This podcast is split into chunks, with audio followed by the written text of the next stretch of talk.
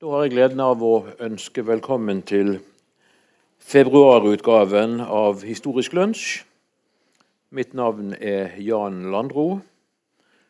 Og gjesten min i dag er Jørn Øyrehagen Sunde, professor i rettshistorie ved Universitetet i Bergen. Dessuten rettsstatsmisjonær. Og blant mye annet forfatter av siste bind av uh, Høyesteretts historie. Han har i løpet av det siste året undervist i, i Tsjekkia, Ungarn og Estland. Og for så å si å komme nærmere på å forstå den illiberale utviklingen i ikke bare disse landene, men i stadig flere land i Europa. Et stikkord for det som nå skjer rundt om, det er jo rettsliggjøring. Men det kan kanskje passe at du aller først forklarer akkurat det begrepet. Ja. Det da passer jo bra å begynne med av to grunner. For det første er det fundamentalt for å forstå den utviklingen som har skjedd i deler av Europa og skjer i andre deler av verden nett nå. En utvikling mot mer totalitære regimer, det vi kan kalle autoritære, populistiske regimer. Eh, men òg fordi å forklare hvorfor det sitter en jurist her, og ikke en samfunnsviter, som stort sett er de som har best greie på politikk. Og hvorfor det sitter en rettshistoriker her og skal snakke om utviklinga de siste år. Men det er jo fordi dette er, de, de tingene som skjer i dag, henger generelt i sammen med utviklinga i Europa etter Berlinmurens fall i 1989. Eh, da var det jo en voldsom begeistring over hele verden og over hele Europa fordi vi endelig var blitt kvitt dette ideologiske skillet. Og Nå gjaldt det altså å bli enige om et minste felles multipulum som batt oss i sammen. Og Det var to ting som var, en opplevde som ikke-ideologiske, ikke-religiøse, objektive. Og Det var økonomi, og så var det juss. Når ble økonomi objektiv? Ja, det, det, men det, jeg, det, kan vi ta en annen dag. Uh, jeg vet iallfall at jussen aldri har vært der. Nei, uh, men det var, det var, liksom en, sånn, en slags idé om at dette var, var tilfellet. Og uh, rettsliggjøring er på en måte en utvikling av samfunnet der du tar mer og mer styringsmakt ut av politikken. Du objektiviserer det, og så gir du det til juristene. Og Mye av dette har vi jo vært veldig glad for. Altså Vi har regler om mange ting som gir oss rettigheter. Så Kvinner, barn, psykisk, fysisk utviklingshemma osv. er grupper i samfunnet som har stadig flere rettigheter. og Det, det er bra. Mm. Det er en del av rettsliggjøringa. Men rettsliggjøring er litt som å handle på kreditt. Altså, du kan inngå én avtale om en vaskemaskin på kreditt, og den, den, avtalen er grei, og du skal klare å betale det tilbake. og Så kjøper du en bil, og så kjøper du flere ting. Og så sitter du plutselig med en samla sum. Og Du har aldri inngått en avtale for den summen. Men det er den totalsummen du må betale tilbake, og det er den du må forholde deg til. Slik er det òg med rettsliggjøring. Du får veldig mange rettigheter på ulike felt, men så får du en sum til slutt. Og, gjør, og den summen tilsier at veldig mye styringsmakt er flytta fra den politiske sfære den, til den juridiske, og da forvaltning og domstoler. Så det er rettsliggjøring, sånn kort oppsummert. Eh, jeg husker når eh, den siste maktutredningen la frem sine konklusjoner i 2003. Jeg var til stede der og hørte på. Da var det én ting de særlig advarte mot og pekte på en etter deres syn veldig negativ uh, forandring fra den forrige maktutredningen, som vel var på slutten av 70-tallet. Og det var nettopp at Norge i løpet av de 25 årene var blitt et langt mer rettsliggjort samfunn. Mm. Og jeg vil jo tro at på de 13-14 årene som siden har gått, så har den utviklingen fortsatt. Hvor problematisk er det, hvis vi ser bort ifra det positive for eh, enkelte nær sagt utsatte grupper og enkeltindivid? Mm. Altså, Hvis rettsliggjøringa hadde skjedd i kraft av at vi fikk flere lover, har det vært veldig mye mer positivt ved henne. Fordi lover de har en langsom prosess, eh, det er en transparent prosess der en blir invitert til å delta i høringsrunder, en kan påvirke resultatet. Men eh, hvis vi går tilbake til 2003, eller vi går tilbake til 1973, så var vi styrt av ca. mellom 600 og 700 enkeltlover. Og det er vi fremdeles. Det er ikke, da som har, det er ikke lovgivning som har endra seg med enkeltlover så mye som vi tror. Det er forskriftene Vi er per dags dato styrt av over 10 000 forskrifter. Og hvem lager de, og hva er prosessen bak de? Den prosessen er nesten helt lukka. og den er lagt av, De er stort sett lagd av departement. Mesteparten av disse 10 000 forskriftene er lagt av departement eller av spesielle direktorat, som er, som er opp, lagt for at departementet mer effektivt skal lage forskrifter. Så tenker vi at En forskrift kan jo ikke være så, så, så voldsom, sant? for det høres ikke så mye ut. Men, eh, for det er lov høres mye mer omfattende ut. Men eh, vi får nå et nytt finanstilsyn. Og jeg tror den forskriften snart er ferdig, og den er på 800 sider. Så en forskrift kan være omfattende. Noen forskrifter er korte og enkle, andre er voldsomt omfattende. Sånn at, eh, og Det gjør at veldig mye av styringen av samfunnet at den er rettsliggjort er én ting, men det er, så, det er, så, lite transparente prosesser. Og det er problemet. Så jeg, skal jeg sette det på spissen. Hvis jeg ville ødelegge en rettsstat, så alt jeg trenger, i utgangspunktet i hvert fall, en ganske stor mengde arbeidsmiljøforskrifter. For Ved hjelp av dem kan du ta knekken på de fleste institusjoner. Det er bare å kjøre nok undersøkelser og ta dem på nok feil og mangler. Og Hvis du allikevel ikke greier det, så ha litt skatterettslige forskrifter i bakhånd. Da er du i mål. Nå setter jeg det veldig på spissen. Men rettsliggjøring gjør at du får et korpus av regler som er lagt med de beste intensjoner. Men mengda er altså problemet. Mm. Der fins noe som kalles Venezia-kommisjonen, ja. som styrer en god del av det som skjer ute i Europa, i alle fall rettslig. Kan ikke du forklare litt grann hva de driver med, og hvorfor de er blitt så viktige? Ja, for nå nærmer vi oss jo av totaliteten. Fordi rettsliggjøringa er jo et instrument. Det har blitt en kanal til oss å kue et samfunn. og Det er det vi ser i, i Polen, Ungarn, Slovakia, delvis Tyrkia i dag. Venezia-kommisjonen den har jo nest, Jeg vet ikke om noen av dere har, har noen av dere hørt om Venezia-kommisjonen? Nei, alle rister på hodet. Nei, altså Den har på en måte ikke en sånn direkte styringsrett eller makt, men den har hatt utrolig mye å si for utvikling av Europa etter 1989. Dette er Europarådet sitt organ for utviklinga av eh, domstolssystem, først og fremst. Den møter i Dolce-palasset i Venezia, derav navnet. Venezia-kommisjonen består av masse masse flinke folk som har rådgitt ikke minst de østeuropeiske regjeringene, men også vesteuropeiske regjeringer, om hvordan en skal strukturere sin rettsstat. Og De har gitt en masse veldig gode råd, sånn at de østeuropeiske land, som jeg nevnte Ungarn, Polen f.eks., har gode grunnlover. Grunnloven der det er innlagt en rad strukturer for å sikre rettsstaten og dens eh, opprettholdelse. Og Venezia-kommisjonen overvåker at det skjer. Så en klagesak mot Norge òg kan komme inn for Venezia-kommisjonen. Men de har ingen sanksjonsmuligheter, har de det? Nei, altså, det har de ikke. Eh, sanksjonsmuligheten i dag de må først og fremst gå gjennom enten Europarådet, mm. men da faktisk så er det EU som er det mest effektive sanksjonsorganet for de statene som er medlem av EU. Faktisk. Og de er jo ikke spesielt effektive? Nei, det kan en jo si. Nå skal jeg ta av meg jakka, for jeg, kjenner at jeg blir så, enten er det varmt i rommet, eller så er det jeg som blir så engasjert. Eh, jeg blir veldig engasjert når jeg snakker om dette. EU eh, eh, e har vært Én ting er effektiviteten. De har vært fryktelig unnfallende på dette punktet. og Da kan vi kanskje komme tilbake til når vi snakker om Ungarn spesielt. Men EU har skapt seg sjøl et stort problem. Skal jeg ta det med en gang? Vi, vi, vi, kan kanskje komme ja. tilbake til det. Der. Ja. For altså, ett resultat av um, det Venezia-kommisjonen har gjort, det er jo at mange, ikke, ikke minst østeuropeiske land, har fått sine egne grunnlovsdomstoler. Mm. Men da er altså situasjonen den at mens de nordiske landene og Storbritannia ikke har grunnlovsdomstol, øh, mm. så er det likevel i disse landene at rettstilstanden er mest tilfredsstillende. Hvordan forklarer du det? Ja, det er jo igjen en, en del av disse strukturene som etter råd av Venezia-kommisjonen ble lagt inn i østeuropeiske grunnlover, er en grunnlovsdomstol. Som skal sikre at det finnes visse varige, fundamentale rettigheter som en politisk ikke kan røre ved, iallfall ikke uten videre.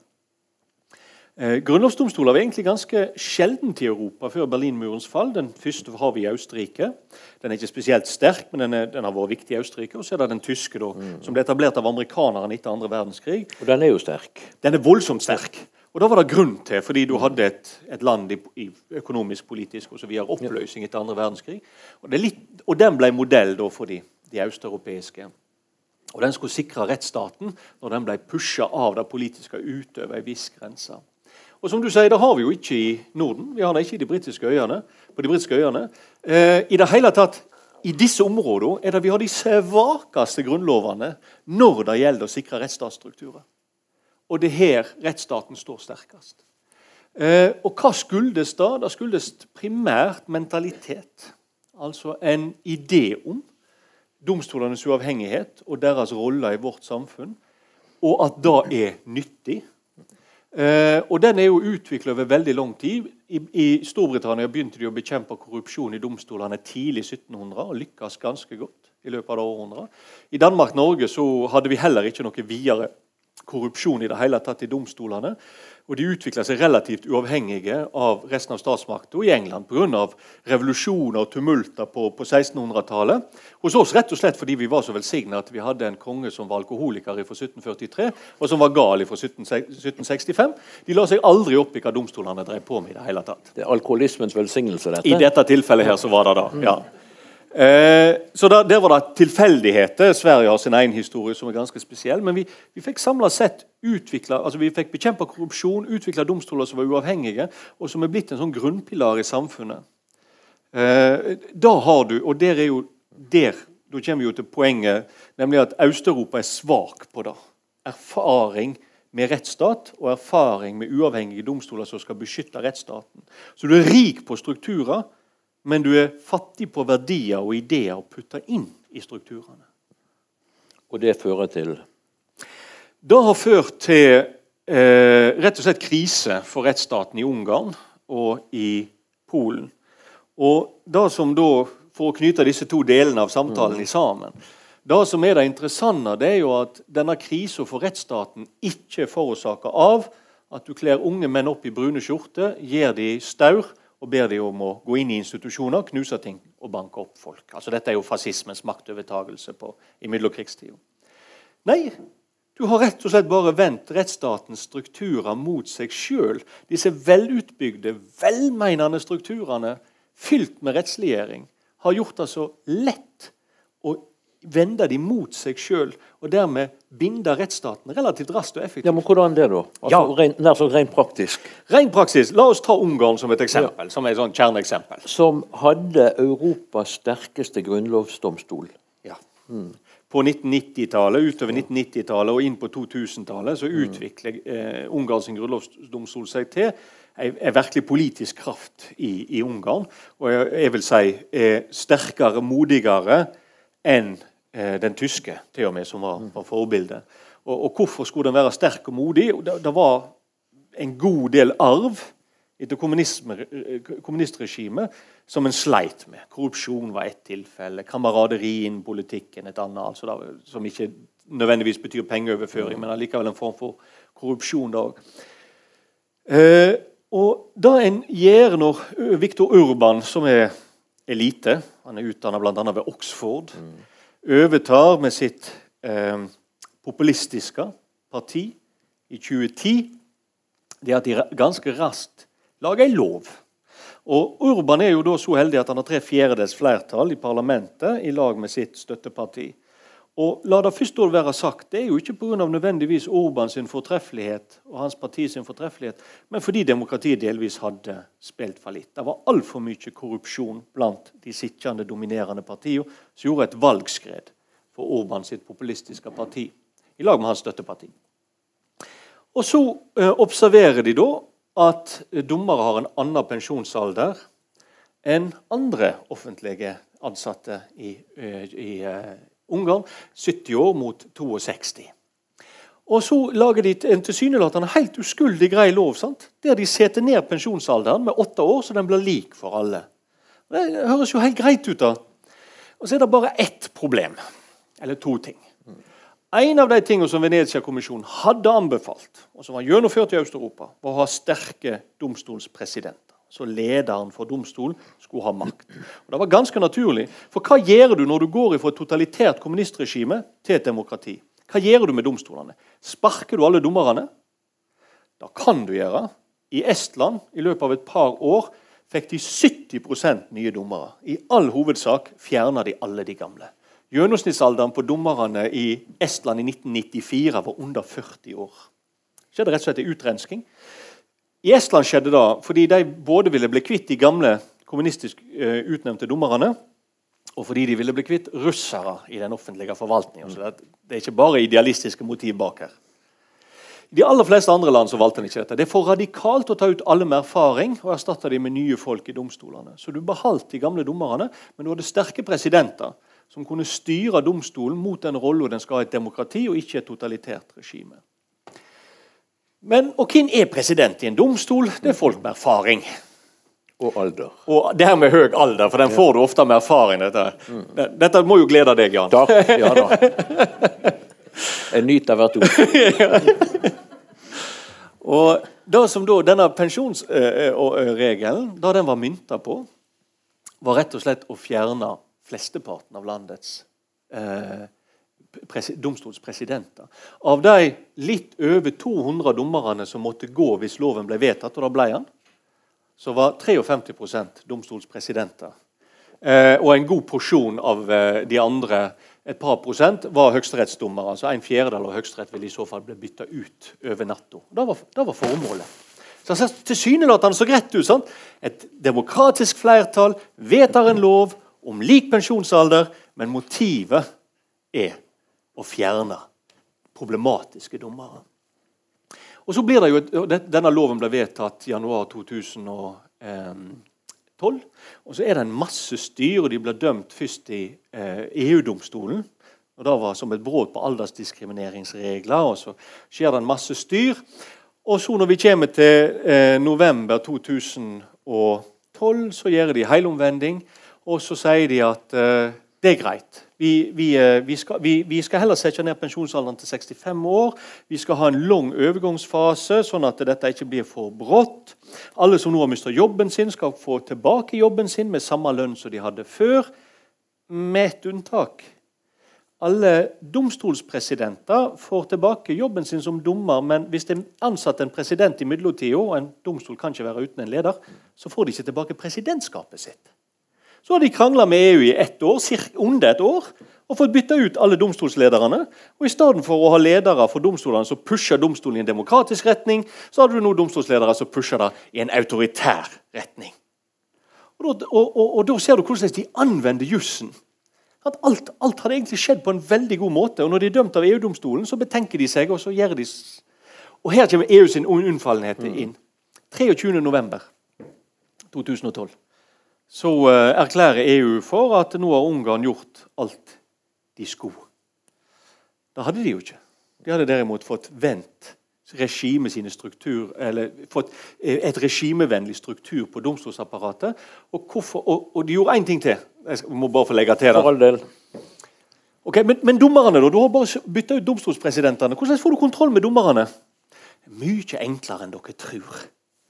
Eh, det du gjør, det er å gi dem altfor mye å gjøre. For da har de det så travelt at de ikke tenker. Det er bare omgjør å stemple ut saker. Og det gjør du med å gi dem stykkpris for hver sak de behandler. Ikke fast lønn. Fast lønn for ungarske dommere er veldig låg. Så får du betalt per sak. Og Vil du betale regningene dine, så får du betale, behandle mange saker. og Du må ikke sitte og tenke og filosofere for mye over hver sak, for da får du, får du færre saker, mindre betaling. New Public Management. Ja. Fornuftig system på mange måter, men i, den, i et autoritært regime sine hender en katastrofe. Og Dermed så har du borte hele domstolsvesenet. Og hvem skal da protestere? Når kommuner av et demokratisk flertall får anledning til å iverksette straffe overfor heimløse. Dette er løsgjengerloven i, i, Norge av 1900. sant? Uten dom så kan du straffe folk, typisk løsgjengere, heimløse, suspekte personer. Hvem skal protestere da? Domstolene er de som skal prøve dette. Domstolene protesterer ikke. Og da har du vunnet. Så enkelt var det. Denne stykkprisbetalingen Ja. den får meg til å tenke på hvordan eh, norsk politi ordner statistikkføringen. Ved at de tar de kjappe, lette sakene og lar de tunge ligge. Ja, helt rett. Og det er eh, samme virkningen. Eh, og det er jo det som er det geniale med disse autoritære regimene. Fordi når du når en har protestert, og en har protestert, og dette har vært behandla i Venezia-komiteen, i eh, kommisjonen, unnskyld, siden 2011, så, så sier ungene men dere anklager oss for å gjøre det. Dere anbefalte oss sterke domstolspresidenter. Eller det dere sjøl gjør, lik pensjonsalder. Eller det dere anbefaler, effektiv administrasjon og effektiv offentlig forvaltning. Hva er det vi har gjort gale? Hvorfor er det rett hos dere og feil hos oss? Veldig vanskelig å ta dem på denne argumentasjonen. Er det regjeringen for å holde oss til Ungarn da, som, eh, som utpeker eh, nye domstolspresidenter? Ja. Eh, da vil si nei og ja. Nei da, det gjør det jo ikke. For da, vil jo være helt åpenlyst et brudd på rettsstatens prinsipp. Så de har en domstolsadministrasjon. Eh, helt uavhengig. Men der regjeringen bestemmer hvem som skal sitte i styret. Eh, og det er en veldig grei måte. Altså, sånn er det forresten i Norge òg. Altså. Ja. Og det er jo typisk. sant? Vi har de samme strukturene, vi òg. Men vi har den mentaliteten som du ikke har i disse regimene, og da gjør de fryktelig sårbare. Så de har egentlig like god, altså egentlig et bedre opplegg enn vi har. Og hva gjør du med konstitusjonsdomstolen? Vel, For det første så ble du kvitt en masse dommere ved pensjonsalder. Eh, jo, i den midlertida. De fikk ikke tilbake jobben sin. Eh, og så eh, tar du rett og slett bare og oppnevner noen nye. Vips, så har du et flertall. Og en viss styring over denne, disse oppnevnelsene er det vel gjerne? Ja, da er det. Eh, og, og da har jo blitt eh, skal, skal vi gå videre til Polen? Ja, det Ja. kan vi godt. Fordi det, Ungarn er ikke et stort land i Europa. Det har ca. 10 millioner innbyggere. Nå tar jeg det på husk. Det er ikke en viktig økonomisk faktor. og Det var nok årsaker til at Ungarn, eller EU kunne være så unnfallende med disse eh, veldig uheldige utviklingstrekkene i, i Ungarn. I tillegg til at EU hadde mange andre ting å tenke på. Finanskrise, en gryende flyktningkrise osv. Men de har tross alt en sentral beliggenhet. De har en veldig sentral beliggenhet, noe vi også så med flyktningkrisen Ja, ja, ja. eksempel. Men Polen er det verre med. Polen er et stort land i Europa. Det er et økonomisk viktig land i Europa og innen EU. Og Lov- og Frihetspartiet jeg, jeg elsker disse titlene. Lov- og Frihetspartiet. Jeg vil, jeg vil også ha et lov- og frihetsparti. Hvor går det an å være imot lov og frihet? Eh, nei, Lov og rettferdighet. Unnskyld. Ja, ja. Lov og rettferdighet. Ja, lov- og rettferdighetspartiet. De hadde rett og slett sitt og lært av Ungarn. Og det vi ser er at Når de da får makta, så gjennomfører de rett og slett veldig mange av de samme bevegelsene. Og det er, De òg vet at du må få kontroll over konstitusjonsdomstolen for å være sikker på at når du forandrer Grunnloven, så er det ingen som spenner bein for de grunnlovsreformene. For det er jo det en grunnlovsdomstol kan gjøre. Og dermed så er det der det begynner, i, i Polen. Og så er det jo slik at det er det samme i Polen også i Ungarn. Altså I Ungarn så hadde de politiske, etablerte politiske partiene spilt fallitt. De hadde lagt alt til rette for en populistisk regjering som den Orban fikk inn, med et voldsomt flertall. Samme skjedde i, eh, i Polen. Og det er ganske symptomatisk at da, da partiet som ser eh, at det kommer til å miste regjeringsmakt i neste valg, de utnevner de tre dommerne de skal utnevne til konstitusjonsdomstolen, og så utnevner de to til. Som egentlig for, for å erstatte to som går av etter de eventuelt etter valget, men for å være på sikre side, sånn at det, det nye partiet ikke skal få flertall i konstitusjonsdomstolen på en stund, så utnevner de to til. Her overgår de til og med republikanerne i USA. Ja, det, ja her har de noe å lære. Vi- ja, proaktiv Ja. eh, dommerutnevnelse, kan vi kalle dette. Eh, og det er klart, dette går jo ikke. Og Konstitusjonsdomstolen var også helt klar på det. altså Den anerkjente de tre som var utnevnt, men ikke de to neste, som sine nye dommere. Men da ser jo det nye partiet sitt snitt Så da sier de at ja, men da er alle dommerutnevnelsene, alle fem, konstitusjonsstridige. Og vi skal oppnevne fem nye dommere. Noe konstitusjonsdomstolen da sier nei til. Dere kan utnevne to, og de andre kan utnevne tre. Det er da som er spillereglene. Mens de, da, Lov- og, og, og Rettferdighetspartiet bare sier at de andre brøt spillereglene, og da gjelder ikke de for oss heller. Og Dermed så begynte konflikten.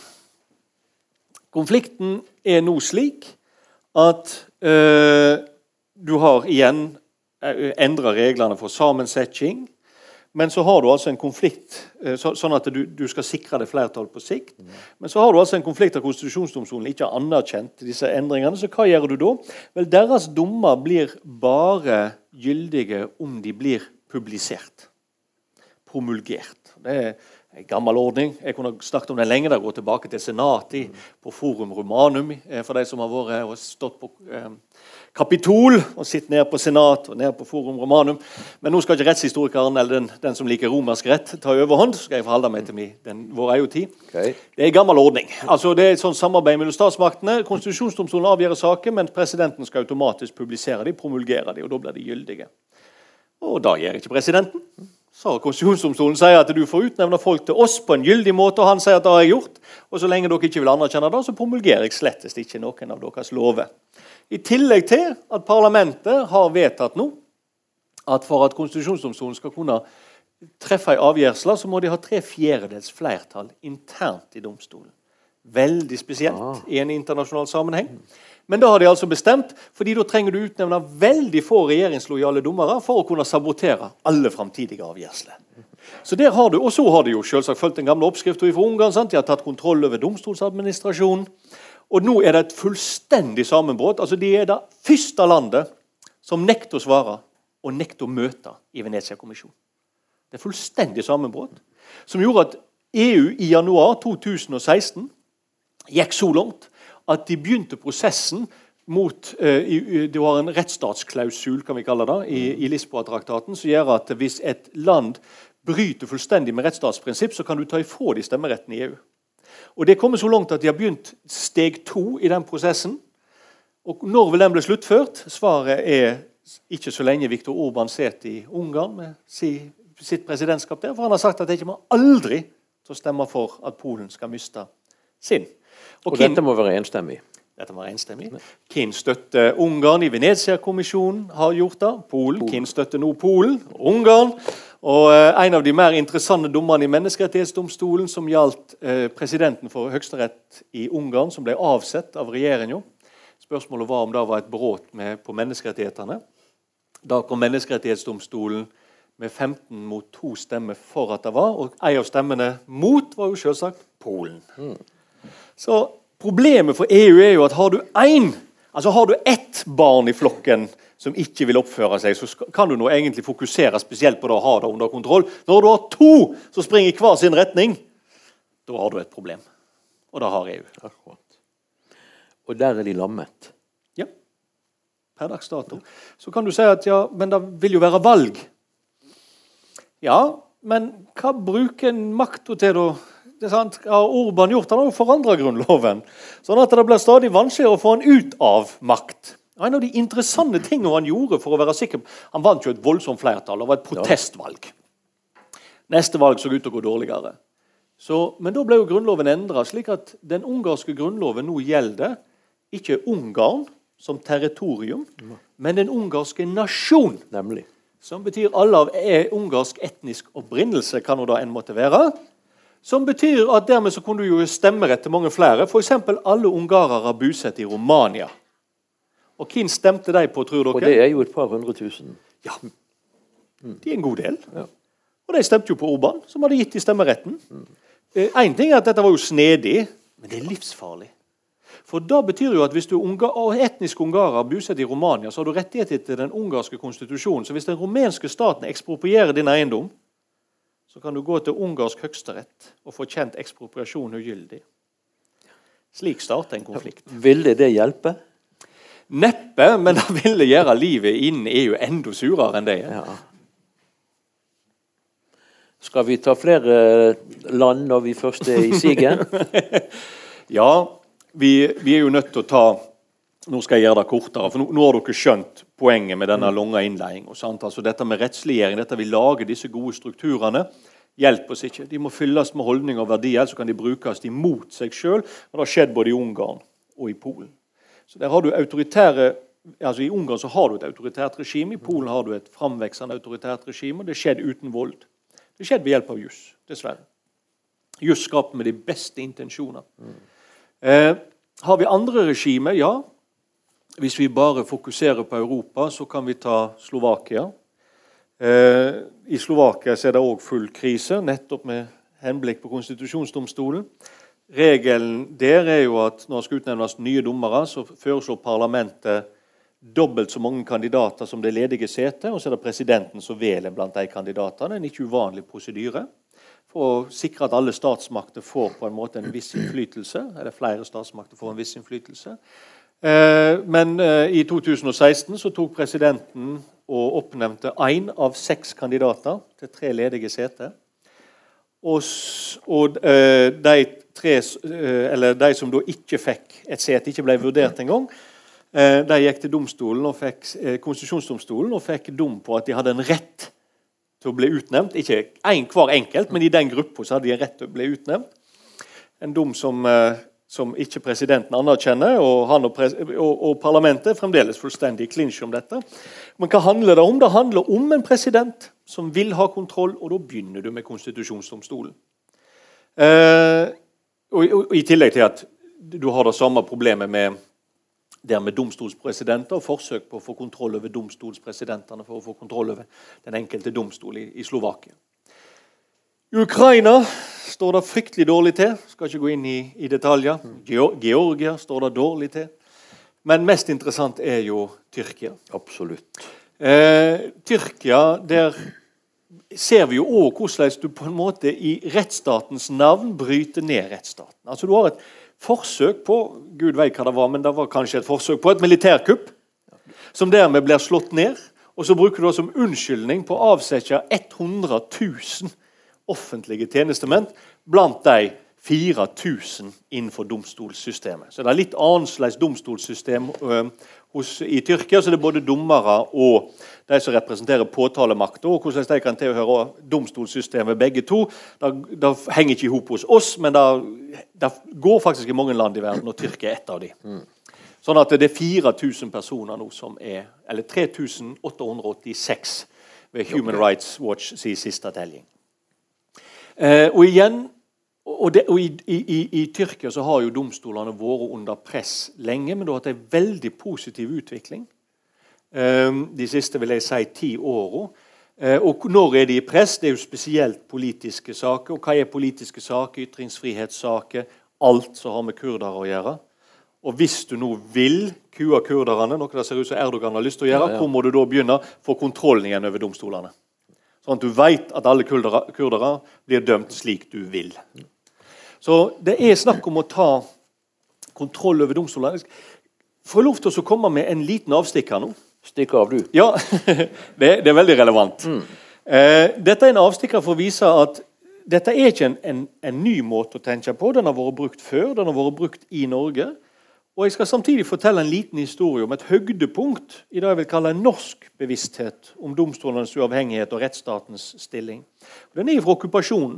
Altså Noe av det som tyskerne gjorde når de okkuperte Norge, var å forsøke å få det sivile samfunnet til å fungere som før, med de samme institusjonene, for å gi et inntrykk av legitimitet.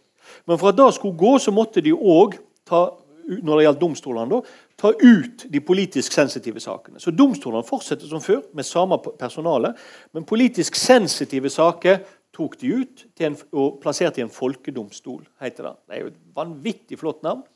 Men det var jo slik at dommerne, forsvarere, de som representerte påtalemakta, og til og med de leke dommerne, måtte være medlemmer av NS, som var folket. Så de gjorde egentlig akkurat det samme. Du, ha, du, trenger ikke ha kontroll med alt domstolene gjør, men det politisk sensitive må du iallfall ha kontroll på. Så De opprettet altså denne domstolen. Eh, og Når vi leser deres avgjørelse, så er det ikke tvil om at de visste hvorfor de var der, og de gjorde den oppgaven de var sett til å gjøre. Men så kommer vi til eh, tidlig vinter 1942. Og Det som har skjedd, er rett og slett at, nei, unnskyld, 41. Da begynner i 41. Det som har skjedd, det er at eh, en grenselos har transportert to jøder mot den svenske grensa. De en, helt overraska stoppa av en, en, tysk soldat som grenselosen skyter. Så transporterer han de to jødene over grensa, så går han tilbake igjen til Norge, men blir tatt. Og Da ringer justisministeren til lederen for folkedomstolen og sier at denne grenselosen skal dømmes til døden. Og Da svarer denne lederen, han er jurist i opprinnelig advokat i Haugesund, som svarer at uh, det kan godt være, men dette vet han ingenting om. For han har ikke sett saka. Han har heller ikke hørt vitneforklaringer. Så han vet ingenting, og dermed så kan han jo ikke avtale en dom på forhånd. Eh, hvor justisministeren ble rasende og gir beskjed om at han har bare med å dømme han til døden. Eh, og får beskjed igjen om at da kan ikke han gjøre, fordi han skal ha en offentlig høring på denne saka. Som betyr at saka blir ikke ført for den domstolen. Da ser tyskerne et behov for å oppnevne en ny domstol, som er Polizei und SS Gericht Nord. Eh, som gjør som de får beskjed om. Eh, men hva betyr dette? Det betyr for det første at tyskerne ble tvunget til å vise sitt sanne autoritære, totalitære ansikt gjennom den nye domstolen. Men det viser dette, og dette, jeg, jeg mener det, det, er stort av denne Haugesundsjuristen. Han er NS-medlem. Han tror på Sacho, men han tror på rettsstaten enda mer. Eh, men det viser oss at denne, dette systemet med å kue domstolene med å tilsynelatende la alt være som det er, men å plukke ut de rette sakene, sette inn de rette dommerne Det er en gammel måte som vi har gjort ting på, og som vi nå ser i Øst-Europa, men som er, er kjent fra tidligere tid òg. Og som vi ser eh, i, i Tyrkia i, ser tendenser til i dag. Men det som kanskje likevel gjør Tyrkia litt annerledes, det er jo at uh, det Erdogan har kunnet gjøre det, det siste året, mm. det er jo sprunget ut av en unntakstilstand som kan få en til å tro at det er han sjøl som har iscenesatt hele kuppet. Men det, det er en, en sak for seg. Eh, uten denne unntakstilstanden så hadde han ikke klart det han har fått til i løpet av et år.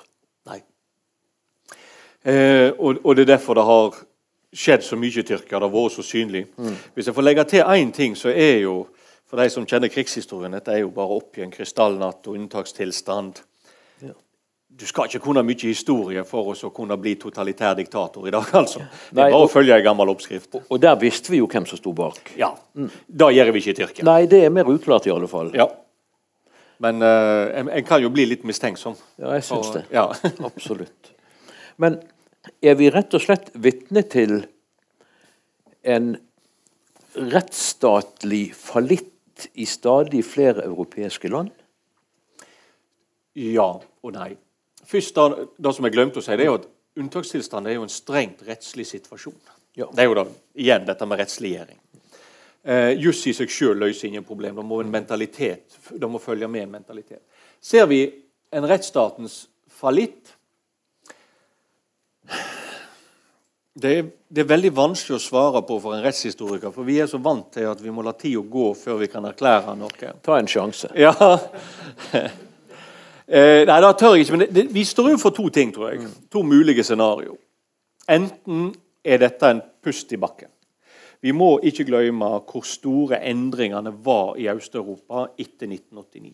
Det, det gikk fort. Det gikk fort. Fryktelig fort. Du bytter ut et system med et annet. Eh, og det, gikk for fort at du kunne få bygd opp en mentalitet og ikke minst etablere et verdigrunnlag. Og Samtidig, og da tror jeg vi må erkjenne i Vest-Europa, det er ei veldig paternalistisk styrt utvikling. Altså Vest-Europa var veldig paternalistisk overfor Øst-Europa.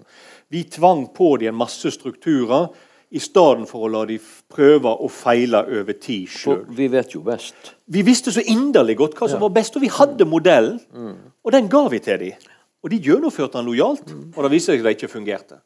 Altså Denne one size fits all-løsninga som vi hadde på demokrati og rettsstat på 90-tallet og begynnelsen av 2000-tallet, den fungerte ikke i Irak, den fungerte ikke i Afghanistan, men den fungerte heller ikke i Ungarn og Polen.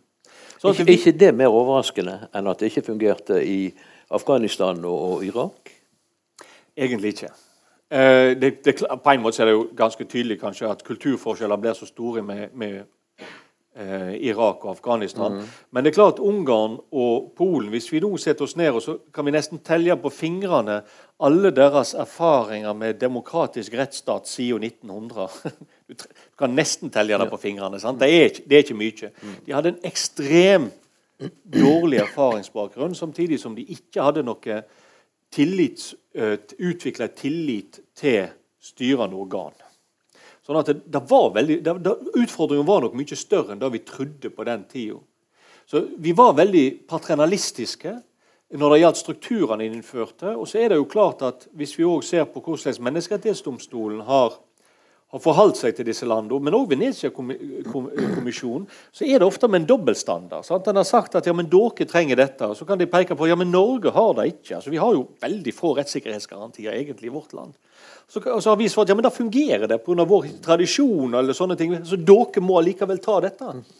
Eh, og det er klart, Når jeg snakker med mine kolleger, som er intelligente, velutdanna folk Mange av dem har bodd flere år i, i Vest-Europa eller i USA og studert der så er de sjøl òg bitre. Og De sier at ja, men la oss nå få lov til å rydde opp i dette. La oss få lov til å gjøre ting på vår måte. Ikke kom og fortell oss hva vi skal gjøre. Jo, vel ikke det i seneste laget så langt som utviklingen har gått mange steder?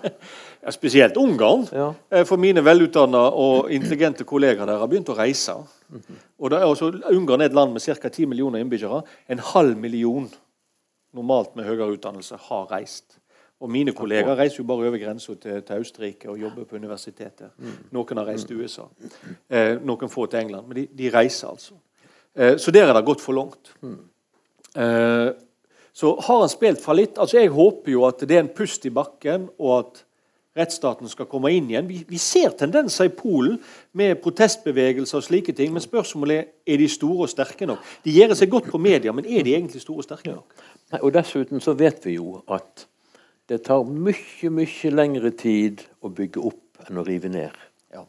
Og det vi er vitne til i disse landene, er jo nettopp ikke at de bygger ned. Det er et meningsløst uttrykk. Ingenting bygges ned, men det rives ned. Men i alle fall, de, det later jo til at de gjør et så grundig arbeid at det vil ta tiår på tiår på tiår å gjenoppbygge og bringe det til det nivået der de var før galskapen begynte. Kommer, hvor lang tid det tar, og hvordan utviklingen vil gå, kommer nå veldig an på de neste valgene i Vest-Europa. For Det interessante er jo at den type populistiske bevegelser òg har framgang i Vest-Europa. Yes. Og hvis de vinner fram, så vil vi få en fellestrekk både i Øst- og Vest-Europa mot en utvikling som bygger ned rettsstaten. Og Da skal en huske på at her er det ingen forskjell på øst og vest. Den type populistiske parti ønsker, altså ser alltid domstoler og rettsstat som et hinder. Mm. Og Det er fordi de opererer med Og da kan ikke jeg forklare, da må dere invitere en samfunnsviter. Jeg er bare en skarve jurist på dette feltet. Det er en sånn interessant idé om, som fins blant populister, at har du fått makt, så har du fått all makt. Ikke en del av makt. Altså Har et over 50% stemt på deg, ja, så styrer du 100% og du vil ikke ha noen motstand. Og Det er jo der konstitusjonsdomstoler, og grunnlov og rettsvesenet kommer inn. Det yter motstand mot den, eh, den, den, impulsen. Og Når vi har så sterk konstitusjonsdomstol i, i, Tyskland, så er det jo fordi de vet at du kan ha et demokrati som utvikler et totalitært regime. og Da må du ha barrierer, du må ha motstand som forsinker den prosessen, slik at folk får summa seg, tenkt seg om. Slik at ikke en øyeblikksstemning ved ett valg får konsekvenser for tiår framover. Det skal ligge slike forsinkelsesmekanismer. Da ser vi eh, at en har ikke ønsker å ha i disse regimene i Øst-Europa. Så skulle jeg ha sagt at og heldigvis er det slutt med det. Men altså Marie Le Pen eller Wilders i Nederland har, tenker jo ikke annerledes. Og hvis vi tenker på Trump, så tenker jo han òg at når jeg først har fått makt og Han har ikke 50% av stemmen Han trengte bare 25, år. ja. Og da har jeg makt. Ja. Det, Da jeg utøver 100% makt, og jeg vil ikke at noen skal yte meg motstand. i Det hele tatt. Det er da som holder jo. Hvor den ideen stammer ifra, da veit jeg ikke. Mm. Men den er der. Nei, og Det er jo derfor Trump kan snakke om en såkalt dommer. Ja. Og, da, og, og, og det, altså Hvis vi ser på forholdet til, til domstolen, så er det jo ingen for, for, forskjell på, på Viktor Orban og, Trump i realiteten. Mm. Det, som, det, som, er interessant, Nå, nå snakkes om forsker Altså det som jeg gleder meg til å se, det er om det i USA finnes en rettsstatsbevissthet som du ikke hadde for i Ungarn eller ser, ser ut til å ha i Polen, og som vil forsinke, eventuelt til og med stoppe, en slik prosess. Hva tror du? Jeg tror faktisk ja. Jeg tror rettsstatsbevisstheten er for stor over tid. Mm. Altså den mentaliteten som må finnes for å fylle strukturene med et innhold. Men jeg, jeg trodde jo ikke Trump skulle bli valgt engang. Så at, eh, hvor, hvor, mye mine spådommer er verdt, da, da vet jeg ikke. Men eh, får jeg lov til å vende blikket mot Norge etter hvert? Ja, jeg hadde jo tenkt vi skulle dit. Ja, ja. Vær så god. For alt er jo ikke på stell i kongeriket Norge heller. Nei, det er ikke det. Mm. Eh, og, og, nå er det veldig viktig at jeg sier at jeg, jeg snakker som rettshistoriker, ikke, ikke, som politiker. Jeg er ikke politiker engang. Det er så vidt jeg stemmer ved valg. Helst ville jeg ha latt være. fordi jeg mener som, Min, min holdning er at som forsker skal være apolitisk. Men så har jeg en viss følelse av at jeg burde stemme. Så jeg stemmer som regel sånn midt i landskapet for å være helt sikker på at jeg ikke har tatt parti med noen. Mm. Eh, det er en typisk feig forsker. Ja. Eh, men i alle fall eh, jeg, ja, men Det er mitt eget personlige dilemma. Men det er klart, mm. vi har òg et populistisk parti i Norge. Fremskrittspartiet er et populistisk parti. Og de har litt av samme holdning. Og den makta en har fått, den er absolutt makt. Og Vi har et veldig interessant eksempel på dette. Og så, og så skal jeg gå videre. Jeg skal ikke bare kritisere Fremskrittspartiet eller sittende regjering. Jeg skal kritisere alle politikere om et lite øyeblikk. Så jeg skal være, skal være sånn som jeg pleier å være. sånn midt i liksom. Ta. Take your time. Ja. eh, vi har et, et, et, veldig interessant eksempel. Eh, 4.12.2014 gikk det ut et skriv fra Landbruksdepartementet uh, fra Silvia Listhaug, som den gangen var landbruksminister, til alle kommuner, alle fylkesmenn og, og, og, Statens landbruksforvaltning om at en ikke skulle legge vekt på pris når det var et spørsmål om å gi konsesjon ved kjøp av landbrukseiendom. Uh, og Så kom det et brev fra en bekymra konstitusjonskomité, kontroll- og konstitusjonskomité allerede 17.12. samme året. 13 dager senere. Hvorfor dette brevet har gått ut når det står i konsesjonslovens paragraf 9 første ledd at en skal legge vekt på pris når en avgjør et spørsmål om konsesjon ved kjøp av landbrukseiendom. Altså, Kommunaldepartementet hadde rett og slett sendt ut et brev om at du skal ikke følge loven. Det er ganske sterkt. Mm. Men svaret er det mest interessante. Svaret kommer i januar 2015. Og der står, og da begynner vi å vise til Solberg-regjeringa programerklæring. Akkurat. Om at folk skulle få større råderett over egen eiendom. Så unnskyld uttrykket, drit i loven. Mm. Det er vi som bestemmer, for vi har fått flertall gjennom valg, og det er vår politikk som gjelder. Ja. Og da til tross for at faktisk er odelsretten for det er da det gjelder her, den er verna i Grunnloven. Mm. Men en landbruksminister sitt brev skal altså gå føre lov, og i realiteten grunnlov. Under politikk. Det er sterke saker.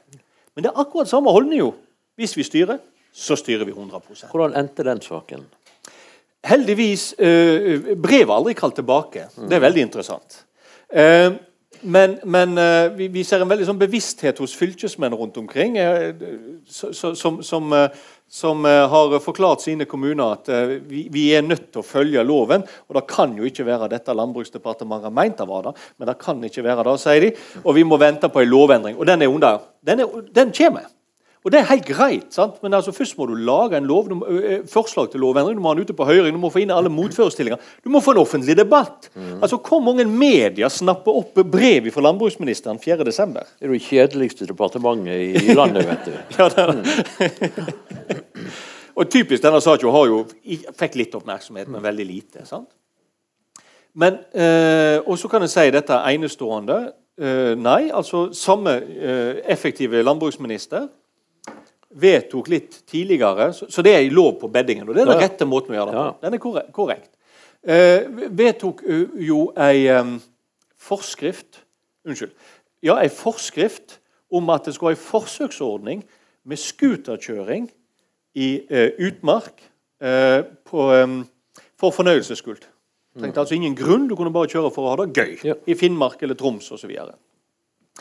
Uh, og det var jo interessant, fordi det strei mot loven. Og det strei mot forskrift om dette. Men en sa at dette var en forsøksordning, og dermed så fulgte det forsøksloven. Vi har altså en egen forsøkslov, det er veldig interessant, fra 1994. Eh, Men Sivilombudsmannen har jo da slått fast ganske ettertrykkelig at det er helt klart ikke innenfor forsøkslovens ramme. Er ikke, forsøksloven er ikke en blankofullmakt til å gjøre som du vil, når du vil, er det Sivilombudsmannen har sagt. Eh, og Nå er det et lovforslag på høring. Veldig bra. Men en hadde det altså altfor travelt, og så lagde en denne forskriften som strei mot lov. Sånn at eh, Vi ser det samme i Norge. Eh, og Det som bekymrer meg, er jo at vi er som offentlighet egentlig ikke interessert. Nei. Eh, verken media er interessert, men media er jo ikke interessert, for vi er ikke interessert. Vi er opptatt av blir det mer enn gjennomsnittlig varmt i februar eller ei, mm. men vi er ikke interessert i dette. Eh, la meg nå da vise det, det grelleste eksempelet. Eh, vi har eh, en EFTA-domstol som eh, tar seg av å rådgi altså Når en norsk domstol får opp et EØS-spørsmål som ikke er klart, så må den faktisk vi er traktatforplikta til å sende spørsmålet til vår EFTA-domstol, som sitter i Luxembourg. Den har tre dommere. Sant? En fra Island, en fra Liechtenstein og en fra Norge. Det er de tre EFTA-landene. Norge har i mange år vært misfornøyd med lederen for EFTA-domstolen, Bodenbacher. Vi har prøvd å fjerne han på ulike måter. Vi blir ikke kvitt han. Så Vi utnevnte for seks år siden en dommer som vi syns faglig sterk dommer, som skulle greie å holde igjen og tukte denne uregjerlige Sveitser, faktisk. Bodenbacher er sveitser.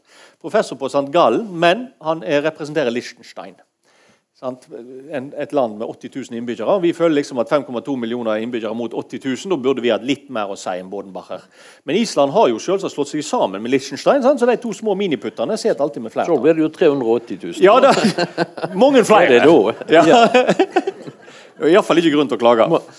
Eh, så Vi utnevnte en faglig sterk dommer, professor i EU-rett, for seks år siden. Og så har vi ikke vært fornøyd. Spesielt regjeringsadvokaten har ikke vært fornøyd, fordi vi har fått mange dommer imot oss. eller flere dommer, unnskyld, i EFTA-domstolen. Så når dommeren skulle oppnevnes på nytt, så ble stillinga lyst ut. Og Dette er veldig spesielt. fordi Våre EFTA-dommere er oppnevnt for seks år, og så får de automatisk fornya seks år, så de sitter i tolv år. Slik har det alltid vært. Men hva, ligger, hva, skyldes den automatikken, da? Nei, Det er rett og slett fordi at du ikke skal gå inn og vurdere om en dommer har gjort en tilfredsstillende jobb fra nasjonal interesse. Så det er en automatikk for å sikre uavhengighet. At den norske regjeringa viser vi legger oss ikke opp i en dommer sin utøvelse. Hvis du får en ny prosess, så er det sånn at da kan regjeringa drive og manipulere og få inn en person de liker bedre. Derfor har det vært automatikk. Det var det altså ikke nå. Fordi de ikke var fornøyd med dommeren. Så de lyste ut stillinga, men de sa du må jo bare søke. Og det gjorde han. Eh, og det er da spetakkelet begynner, med at vi er noen forskere som skriver kronikker og protesterer og lager så mye brudulje som vi klarer, for dette er et klart brudd på alle internasjonale spilleregler. Eh, og så lykkes vi på den måten at eh, det blir avgjort at han skal gjenoppnevnes, men for tre år. Fordi han, går jo av med, han ble jo 70, og dermed når han pensjonsalder etter tre år. Her er problemet, ikke, Dette visste de første gangen han ble utnevnt. Så Det er jo ingen som har sagt dette tidligere. Dette visste de hele tida. De kan jo regne. Det er det ene. Det andre er at men nasjonale pensjonsaldergrenser gjelder ikke for utnevning i internasjonale domstoler. Det gjelder ikke for noen domstoler. Og har aldri gjort det. Fordi det er typisk sånn trekk som diktatorer bruker. Eller semidiktatorer av typen Putin bruker. Sant? Oi, pensjonsalder! Sant? Jeg har jo fortalt om Ungarn.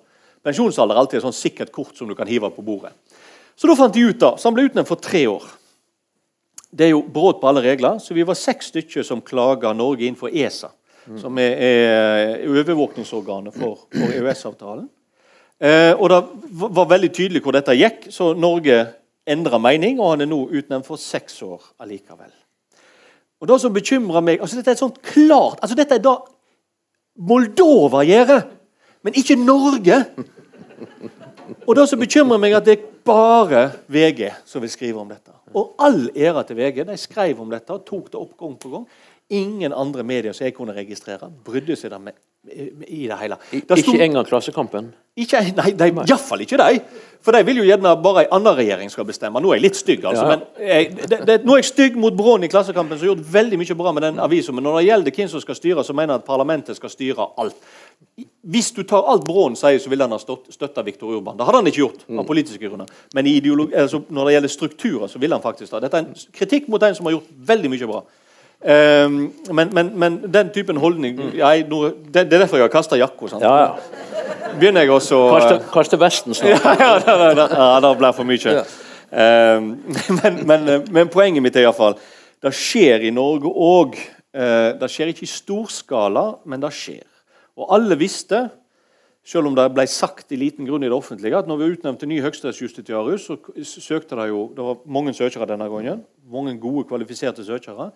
Eh, og en lukket prosess. En lukka prosess. Og i den lukka prosessen så var det helt klart at to av søkerne, som begge var høyesterettsdommere, var utelukka, for en ble anså de som ikke tilstrekkelig lojale mot det norske storting og den norske regjering. Men er det der deres lojalitet skal ligge? Nei. Eller skal den ligge mot Grunnloven og Norges lover? Ja. Og så kan du si at det Der er det jo alltid et tolkningsmonn, og det er helt sant. Men da kan politikerne når som helst eh, eh, tette.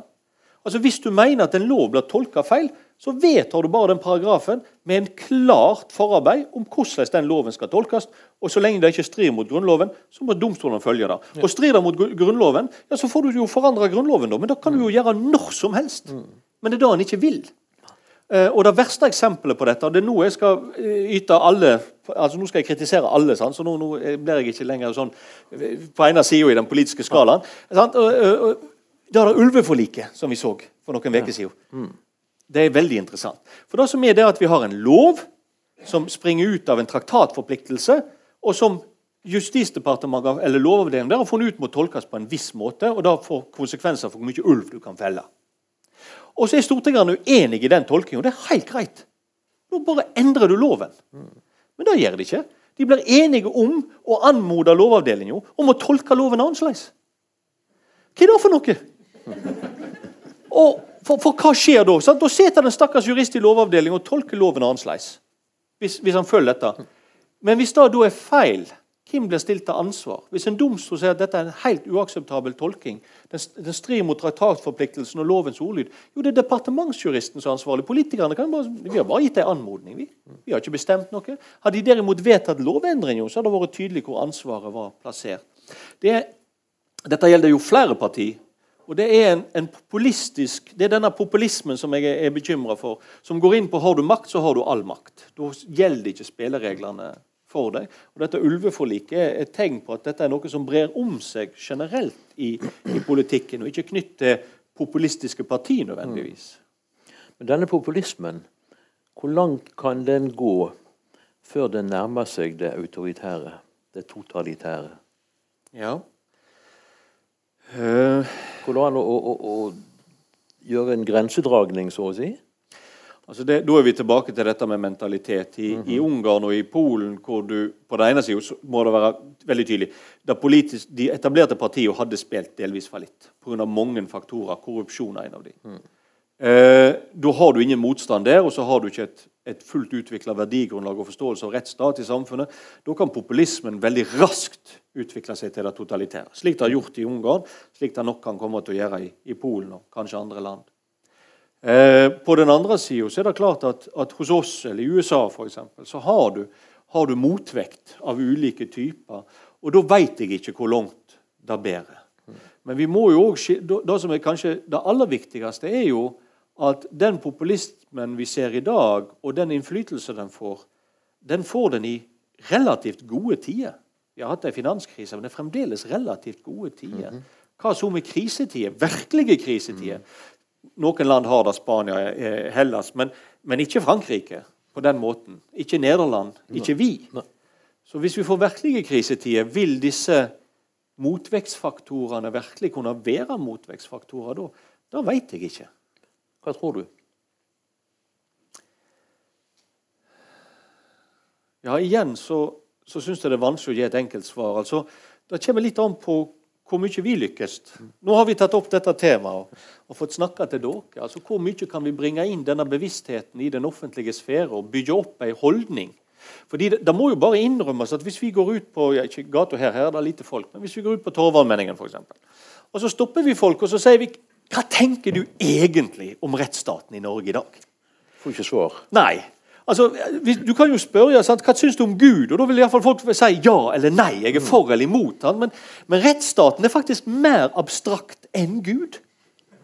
Så, så, så Der har vi et, et, et, et stort problem. Absolutt. Og, og, og, og, Hvis den da skal ikke gjøres abstrakt, men gjøres konkret, så vil jeg måtte spørre hva tenker du om pensjonsalderen for ungarske dommere? Og kan du tenke deg et mindre sexy tema enn det? Altså, jeg er sikker på at Hadde jeg spurt om hva de mente om Virgil sin bruk av landbruksmetaforer i sin diktning, så ville jeg hatt et klarere en idé om det enn om ungarske dommere sin pensjonsalder. Iallfall at seg engasjerer mer. Sånn at eh, Vi står overfor et stort kommunikasjonsproblem. Altså, Rettsstat er ikke et tema som er lett å kommunisere i det offentlige rom pga. at det enten er for abstrakt eller for konkret. Eh, samtidig som vi ikke har et politisk klima, nettopp fordi vi sjøl i Norge har en sånn, fått utvikla en holdning om at 'the winner takes it all'. Sånn som Trump har, sånn som Orban har osv. Hvis jeg da skulle si noe på slutten her som jeg syns er interessant, så er det eh, ei bok som kom for det er ganske mange år siden nå, av Gunnar Skirbekk om det nasjonale. og Det var et, en respons på kinesere som, som, som, hadde spurt han så mange ganger altså hvorfor får dere til velferdsstaten i Norge, et relativt harmonisk politisk liv. og Så måtte han sette seg ned og tenke på dette, og så skrev han en norgeshistorie over de siste 200 år. Eh, og Denne boka ble ikke kjent for noen fordi han gjorde den tabben at han gikk ut og så hele, I lanseringen av boka knytta han hele dette spørsmålet til innvandringsspørsmålet. og Dermed så var det jo bare innvandringen en diskuterte, og ingen leser boka hans. Men hvis en leser boka hans, så handler den veldig mye om at the winner ikke tar alt. Altså at Norsk historie dreier seg om at vinneren ved hvert Og vi har hatt ganske store politiske omveltninger i Norge. sant? 1814, 1884, 1936 er det da Arbeiderpartiet får makt? Eller 34? 34? Ja, Første gang i 28. 28, Men neste gang, når da? Var 36. 36. Ja. 35. Ok, okay takk. takk. Altså, det, ganske, vi har hatt ganske mange store politiske omveltninger i Norge. og Det er ikke sånn at alt har bare vært fredelig og alle har vært venner og forlikte her òg. Men vi har hatt en måte å organisere det, det altså Seierherren har òg tatt ansvar for den tapende. Men det, det, er det ikke et klima for i dag. Og det er egentlig det som, som bekymrer meg. Mm. Vår tid er ute. En misjonær ber dere gå ut og misjonere òg. Tusen takk, Jørn. Tusen takk til publikummet.